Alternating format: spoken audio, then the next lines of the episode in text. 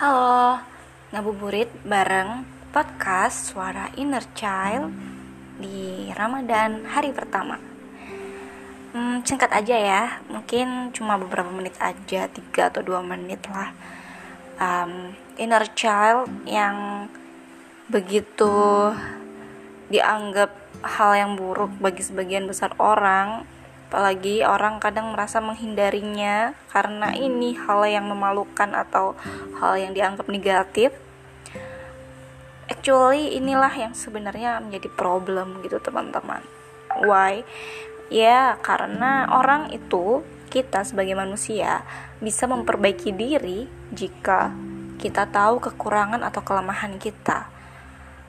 Jika kita selalu merasa benar selalu merasa super superior, super benar, ini gak akan pernah kita bisa memperbaiki diri, ya enggak? Dan inner child itu adalah langkah atau warning untuk diri kita agar kita bisa memperbaiki diri kita. Bayangin kalau seandainya kita tidak pernah merasa kita salah, kita tidak pernah merasa bahwa kita harus berdamai dengan masa lalu gitu. Apa yang terjadi? Ya kita akan menjadi orang yang termasuk selalu menyalahkan kondisi, situasi, keadaan, orang, bahkan sekitar kita, dan itu sangat melelahkan. Dan pada dasarnya manusia nggak ada yang mm, nggak mm, ingin lebih baik, ya nggak? Pasti semua inginlah lebih happy, lebih nyaman, lebih ringan tapi ketika si inner childnya tidak diterima ya balik lagi kita akan menjadi manusia yang sama sama aja gitu dengan yang lalu. Child sendiri itu bukan berarti anak-anak ya. Tapi diri kita di detik kemarin di hari kemarin atau di usia yang setahun lalu atau beberapa bulan lalu ya. Well itu adalah diri kecil kita gitu. Karena di hari ini kita lebih tua dari kemarin kan. Bahkan di detik ini kita lebih tua dari detik yang kemarin yang tadi gitu. Lalu gimana gitu untuk mengatasi sinner child ini gitu? Aku pribadi merasa selama ini yang aku lakukan uh, just look in gitu. Atau aku melihat ke dalam diriku sendiri. Dan aku ingin mencoba untuk menggali gitu sebenarnya trigger-trigger apa atau hal-hal apa yang yang membuat aku tuh tidak nyaman gitu. Tidak nyaman bisa kok dirasakan dari jiwa kita hati kita fisik kita. Bahkan dari perkataan pun kita bisa merasakan itu menyakitkan atau enggak itu jelas gitu. Dan kita bisa tarik lagi sebenarnya yang mampu memperbaiki diri kita yaitu diri sendiri gitu.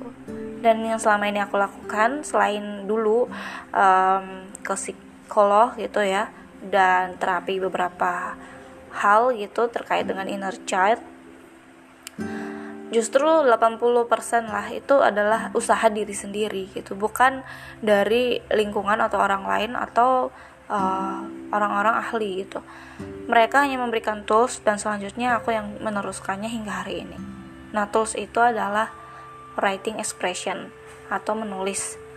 Entah kenapa ketika semuanya aku uraikan dalam bentuk tulisan, itu akan menjadi lega gitu. Dan itu akan membuat aku menjadi lebih uh, menerima gitu. Dan tidak selalu berkaitan dengan manusia ya, tapi mungkin dengan hal-hal yang seharusnya aku lakukan tapi enggak akhirnya aku menyesal. Nah itu juga bagian dari terapi ini gitu. Jadi istilahnya aku memperbaiki diriku dari diri sendiri gitu. Dan inner child adalah sesuatu yang perlu aku syukuri karena tanpa aku menyadarinya aku nggak tahu potensi diriku seperti apa gitu. Karena dia melekat di masa yang lalu gitu. Aku hari ini adalah bentukan dari hari kemarin dan hari-hari yang lalu gitu.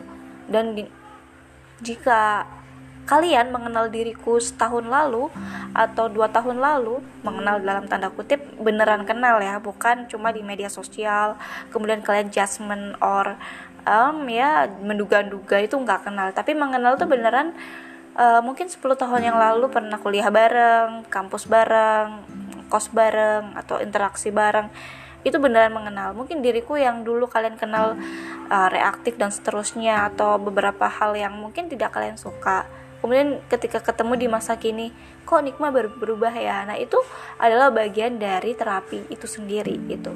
Bayangkan jika aku tidak pernah menerapi diriku aku tidak akan menjadi nikmah yang seperti hari ini. Oke sekian teman-teman.